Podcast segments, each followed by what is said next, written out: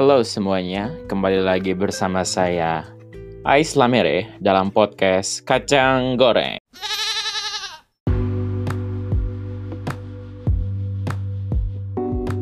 Um, jadi terima kasih sudah mendengar, uh, tetap menjadi pendengar setia podcast Kacang Goreng ini. Jadi sebelum kita masuk ke topik pembahasan yang sangat serius ini, uh, kalian siapkanlah kacang kalian mau digoreng atau di sangrai atau direbus atau kacang yang masih mentah pun kalian bisa siapkan sebelum kalian mendengar mempersiapkan telinga kalian untuk mendengar pembicaraan yang sangat serius ini.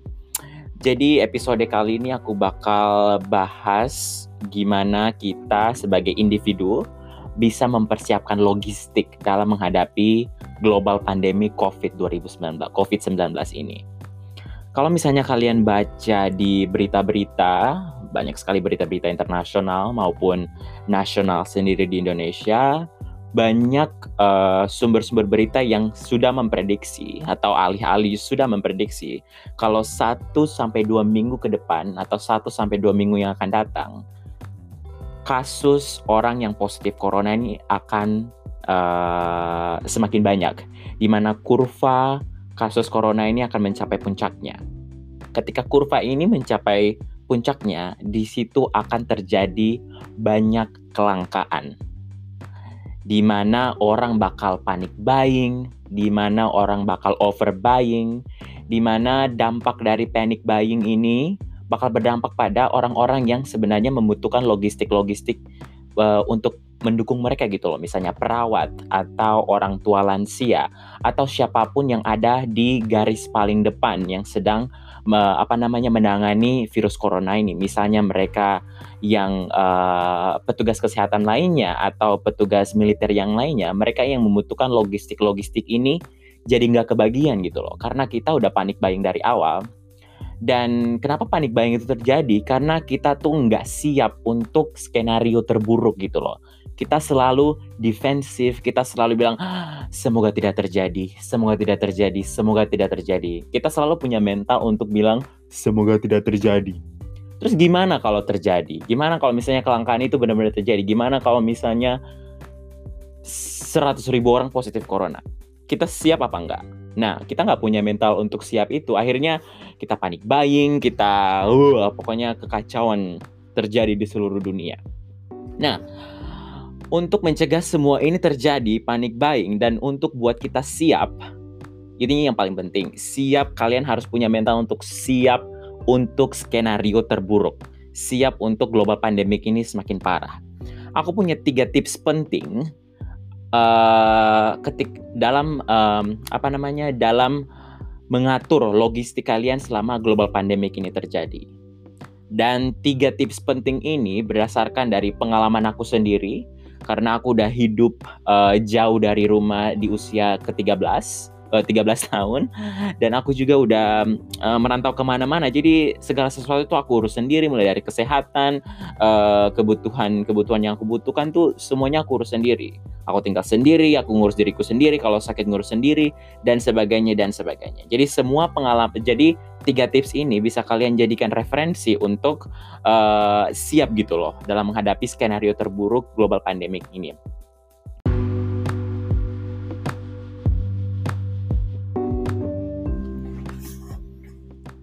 Oke, jadi aku punya tiga tips gimana kalian bisa mengatur logistik kalian. Tiga logistik yang sangat esensial ketika menghadapi krisis corona ini adalah yang pertama, makanan dan belanja. Yang kedua, komunikasi dan protokol darurat. Dan yang ketiga adalah hiburan. Nah, ketiga logistik yang esensial ini kalian pasang waktu, kalian gunakan uh, rentan waktu selama dua minggu dalam mengatur logistik-logistik yang sangat esensial ini. Nah, logistik yang pertama adalah makanan dan belanja. Di bagian yang pertama ini yang sebelum kali sebelum kalian melakukan uh, belanja atau sebelum kalian mengatur uh, jadwal makanan apa aja yang mau kalian masak selama uh, global pandemic ini, yang harus kalian lakukan pertama adalah kalian harus melakukan perhitungan terlebih dahulu. Apa dan kapan kalian identifikasi bahan makanan apa yang eh, bahan makanan dan berapa lama bahan makanan ini bisa bertahan. Kalian bisa memperhitungkan uh, kebutuhan kalian sendiri. Misalnya kalian lihat beras 5 kg itu bisa bertahan berapa lama vitamin itu punya berapa berapa biji vitamin yang ada dalam botol vitamin itu dan dia bertahan berapa lama. Kalau misalnya kalian beli telur, telur misalnya 30 biji berarti kalau asumsinya satu satu biji satu hari berarti dia bisa bertahan 30 eh, 30 hari. Jadi kalian identifikasi dulu nih apa makanannya dan kapan berapa lama itu makanan itu bertahan. Terus kalian buat list kalian eh, sebelum ke supermarket atau ke pasar tuh apa aja yang ingin kalian butuhkan. Nah, ketika kalian udah ke supermarket, kalian harus membeli jenis makanan yang tahannya lebih lama dan jenis makanan yang bisa disubstitusi. Jadi misalnya kalau mis uh, kalian ini adalah seseorang yang sangat tergantung pada karbohidrat, kalian beli bahan makanan yang bisa mensubstitusi misalnya beras, bisa disubstitusi oleh pasta atau bila di bisa disubstitusi oleh roti. Nah ini agak sedikit tricky juga sih. Jadi kalau misalnya kalian beli roti nih ya, kalian kalau misalnya kalian beli roti kalau rotinya habis, kalian harus ke pasar lagi beli roti. Nah kalian bisa menstrategi dengan kalian beli tepung dan gula dan ragi dan kemudian itu diolah menjadi uh, karbohidrat. Itu diolah menjadi roti daripada kalian beli bahan makanan jadinya dan harus kalian uh, dan harus beli lagi gitu loh setelah uh, bahan itu habis. Nah, um, kalian uh, juga harus memikirkan makanan-makanan yang bertahan lama ini kalian makan di saat paling terakhir ketika seluruh perencanaan makanan kalian makanan-makanan yang nggak cepet basi itu udah habis gitu loh jadi kalau misalnya jadi kalian urutkan dari beras uh, pasta, roti itu yang expire duluan itu makanan apa gitu. Jadi kalau misalnya roti expire duluan, kalian makan roti duluan gitu loh. Jangan makan beras duluan terus habis itu roti udah expire ya kali kalian makan roti-roti yang berjamur itu. Nah, ini penting juga kalau misalnya ini konteks ini ini konteks kalau misalnya kalian uh, di uh, Amerika ya. Misalnya kalian apa namanya ke toilet pakai toilet paper tuh dihitung satu kali pakai satu kali kalian buang air besar itu berapa lembar toilet paper yang kalian pakai. Nah, kalian hitung tuh. Pokoknya lakukan perhitungan sebelum kalian pergi belanja gitu. Nah, satu lagi di uh, perencanaan makanan atau logistik ini adalah kalian harus menyimpan bahan makanan reserve atau bahan makanan cadangan. Ini adalah bahan makanan yang nggak akan pernah basi atau bahan makanan expire yang expire-nya itu masih lama gitu loh. Bahan makanan yang uh, begitu aja, yang yang tersedia begitu aja, uh, yang bisa kalian makan tanpa tambahan makanan yang lainnya. Misalnya contohnya ya, nasi uh, beras. Ketika kalian kalian beli beras, kalian bisa aja makan beras itu tanpa lauk gitu loh. Jadi kalian bisa makan beras makan beras. Kalian bisa masak nasi dan kalian bisa makan nasi gitu aja. Tanpa daging, tanpa sayur, tanpa yang lainnya itu nasi bisa dimakan gitu aja. Kalau kalian udah bosan makan nasi, kalian bisa bikin nasi goreng. Kalau misalnya kalian udah bosan makan nasi goreng, kalian bisa bikin itu jadi bubur. Kalian juga bisa bikin itu jadi apa? Pokoknya bahan makanan yang bisa kalian olah. Jadi kalian harus siapkan bahan makanan cadangan atau reserve. Di, di kala krisis ini berkepanjangan, semua bahan makanan habis, kalian masih punya reserve bahan makanan itu yang bisa kalian makan uh, ketika kalian butuhkan. Dan bisa dimakan gitu-gitu aja gitu loh, nggak dibutuhkan uh, apa namanya bahan makanan. Misalnya daging. Kalau kalian beli daging tuh harus ah, pokoknya gitulah. Intinya beli makanan reserve cadangan. Oke, okay,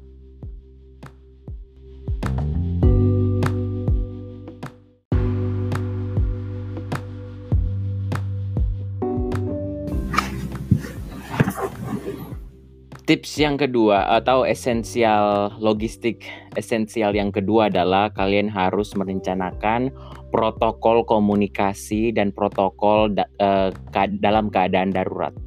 Gitu. Jadi gimana kalian berkomunikasi kepada siapa? Kalian harus melakukan komunikasi. Nah, kalian mungkin memulai dengan identifikasi atau mendaftarkan nggak mendaftarkan juga sih maksudnya kalian list semua rumah sakit atau klinik atau apotek yang terdekat dengan alamat rumah kalian. Kalian uh, prediksikan berapa uh, berapa jauh jarak dari rumah kalian ke rumah sakit terdekat atau ke klinik terdekat. Kalau misalnya klinik itu tutup kalian uh, persiapkan opsi klinik yang kedua kalau misalnya itu tutup lagi kalian uh, persiapkan opsi klinik yang ketiga gitu loh. Jadi ketika salah satu rumah sakit itu tutup atau rumah sakit itu tidak menanggung pasien lagi, kalian punya banyak opsi dan kalian tahu uh, petunjuk jalannya ke mana, berapa waktu yang kalian butuhkan untuk sampai ke sana.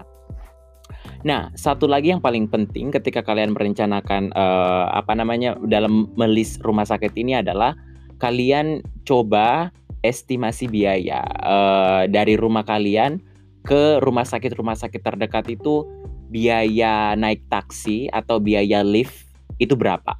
Dan kalian simpan uh, uang uh, lift itu uh, secara aman gitu loh. Dan kalian tidak pakai uang itu. Uang itu hanya digunakan ketika situasi darurat atau ketika situasinya itu kalian butuh untuk ke rumah sakit walaupun tidak dianjurkan untuk ke rumah sakit menggunakan public uh, menggunakan lift atau sebagainya tapi setidaknya kalian sudah punya rencana. Nah, berikutnya itu kalian rencanakan protokol darurat untuk berkomunikasi dengan orang kepada siapa dan informasi apa aja yang kalian harus kasih tahu ke orang itu. Nah, salah satu cara yang salah satu hal yang paling penting adalah dua dua orang yang yang aku pengen highlight dua orang yang paling penting dalam uh, kalian merencanakan protokol ini. Yang pertama adalah dokter atau medical caregiver kalian. Uh, dokter atau medical caregiver ini adalah orang pertama yang kalian telepon ketika kalian merasakan sesuatu yang ganjal atau sesuatu yang buruk terjadi di badan kalian. Kalian merasa panas, sesak nafas dan sebagainya. Kalian bakal telepon orang ini yang pertama. Nah, misalnya aku semalam aku uh, berusaha untuk mencari kontak uh, klinik universitas di mana tempat aku belajar. Jadi aku simpan kontak itu dan uh, simpan nomor dokternya dan nomor kliniknya. Jadi setiap pagi kalau misalnya aku bangun dan merasakan sesuatu yang aneh, aku udah tahu siapa yang harus aku hubungi dan aku jelaskan kondisiku seperti apa. Nah, orang yang kedua adalah saudara teman atau siapa pun orang terdekat kalian yang kalian rasa bisa mendigest atau bisa gimana ya memproses informasi yang paling buruk gitu loh. Jadi kalau misalnya kalian rasa orang tua kalian itu bakal panik ketika mereka tahu kalau misalnya kalian sakit, jangan kasih tahu mereka pertama gitu loh. Kasih tahu siapa pun itu yang bisa menanggung dan menerima informasi terburuk yang kalian kasih di mana orang ini bisa jadi siapa pun yang kalian percaya. Nah, ketika uh, uh, kalian kasih tahu informasinya ini pun jangan lupa untuk bilang uh, kalau misalnya proses yang kalian sedang hadapi itu seperti apa. Misalnya, hey, uh, aku merasa badanku aneh dan sebagainya dan sebagainya, tapi aku udah hubungin dokter dan dokter sudah menyarankan untuk A, B, C, D, E jadi kalian kasih tahu informasinya, tapi kalian juga harus bilang kalau misalnya kalian sudah kasih tahu dokter atau kalian sudah melewati kasih tahu kalian sudah melakukan protokol yang sebelumnya gitu loh. Jadi jangan sekali-kali panas sesak nafas langsung telepon mama atau telepon bapak bilang bapak sakit sesak nafas akhirnya orang di rumah panik atau siapa pun yang terdekat kalian panik terus akhirnya mereka juga nggak tahu mereka mau bikin apa gitu loh jadi jangan kita kita nggak mau berkontribusi membuat kepanikan itu. Oke, okay, saudara-saudara, dan ini adalah esensial yang ketiga. Ini adalah masalah hiburan.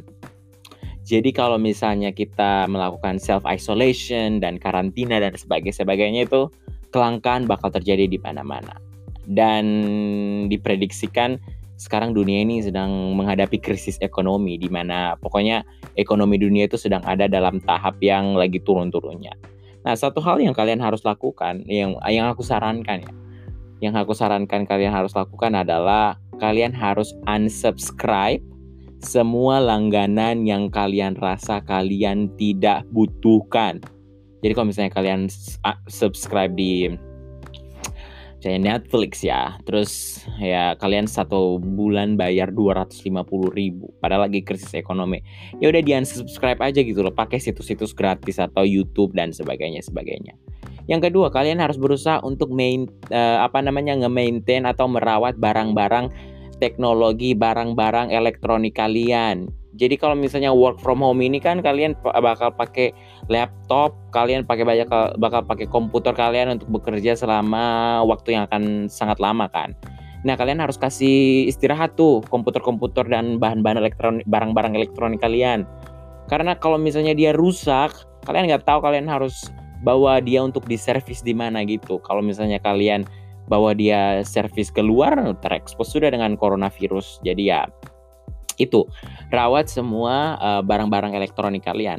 Nah, yang yang berikutnya adalah kalau misalnya konteks kalian kalian tinggal di sebuah rumah, jangan uh, nyalakan semua lampu itu pada saat yang bersamaan. Gunakan salah satu ruangan doang untuk uh, kalian beraktivitas. Jadi misalnya aku aku selalu beraktivitas di ruang tamu. Aku hanya menggunakan dan menyalakan lampu di ruang tamu itu selama aku beraktivitas dan mematikan semua lampu yang ada di ruangan-ruangan yang lainnya. Kenapa ini penting? Kalau misalnya lampu di ruang tamu itu mati, rusak karena dipakai secara terus-menerus, kalian masih bisa berpindah ke ruangan yang lainnya.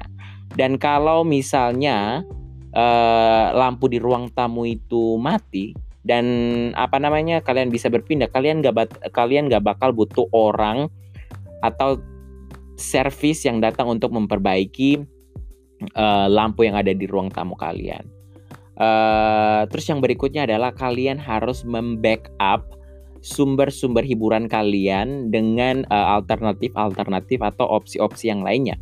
Misalnya ya, ini skenario terburuk, laptop kalian mati, kalian nggak bisa akses Netflix, kalian nggak bisa mendapatkan hiburan yang digital gitu loh, zaman sekarang, zaman now. Mungkin kalian harus persiapkan diri dengan mempunyai misalnya majalah, koran yang buku, atau apa pun itulah yang bisa menjadi alternatif hiburan uh, ketika kalian uh, segala sesuatu yang di, ada di sekitar kalian tuh udah mati gitu loh. Maksudnya elektronik. Nah, ini juga berlaku misalnya terjadi pemadaman elektrik uh, apa namanya listrik gitu kan. Kalian nggak punya alternatif apa pun. Nah, kalian punya bahan bahan-bahan yang lainnya gitu loh untuk menjadi bahan penghiburan. Satu lagi yang aku lupa, yang pengen aku bilang ketika hal yang penting untuk uh, yang perlu kalian uh, pertimbangkan ketika kalian ber untuk bertahan hidup selama COVID-19 ini adalah ketika kalian keluar atau ketika kalian nggak tahu ceritanya gimana tapi kalian harus keluar untuk membeli sesuatu atau mengambil sesuatu. Kalian rekam semua perjalanan kalian misalnya dari uh, jam ketika kalian keluar siapa aja yang berinteraksi sama kalian kalian naik apa uh, kalian berapa lama tinggal di luar itu dan kalian pakai masker apa enggak dan sebagainya. Kalian rekam semua. Kenapa ini penting? Karena ketika terjadi sesuatu yang buruk terhadap kalian, kalian punya informasi yang bisa membantu tenaga medis atau tenaga yang ada di garda depan untuk men-track down aktivitas kalian itu apa aja. Jadi dengan kalian merekam semua itu kalian berkontribusi dalam aksi pencegahan penyebaran virus corona ini. Nah, Oke, jadi begitulah tiga esensial, tiga logistik esensial yang aku desain, uh, yang aku desain, yang aku atur. Uh, setidaknya uh, ini bisa membantu kalian dalam uh, uh, dalam untuk mempersiapkan mental kalian. Jadi kalian nggak uh, cuma apa namanya berharap semoga tidak terjadi, semoga tidak terjadi, tapi kalian punya mental untuk siap kalau misalnya ini terjadi apa yang akan kalian lakukan. Kalian udah punya semua resourcesnya, kalian sudah punya semua sumber daya yang kalian butuhkan dan kalian udah siap gitu loh. Satu lagi, semua tips yang aku berikan ini uh, mungkin dalam beberapa situasi tertentu atau dalam uh, beberapa daerah tertentu ini nggak bisa nggak bisa diaplikasikan tapi mungkin ada satu dari tiga atau dua dari tiga yang bisa kalian gunakan sebagai referensi dalam mempersiapkan diri uh, mempersiapkan diri kalian uh, untuk menghadapi global pandemic ini. Oke, okay, semoga informasi ini bermanfaat buat kalian semua dan semoga juga kalian terhibur dan uh, tetap uh, analisa, tetap analisa, tetap uh, apa namanya jaga kesehatan kalian, stay at home, lakukan social distancing, tetap uh, apa namanya tetap patuh pada peraturan-peraturan yang pemerintah sudah terapkan biar kita bisa uh, membuat kurva ini menjadi flat dan segala sesuatu bisa kembali ke situasi yang normal. Semoga kalian terhibur dan selamat beraktivitas. Bye.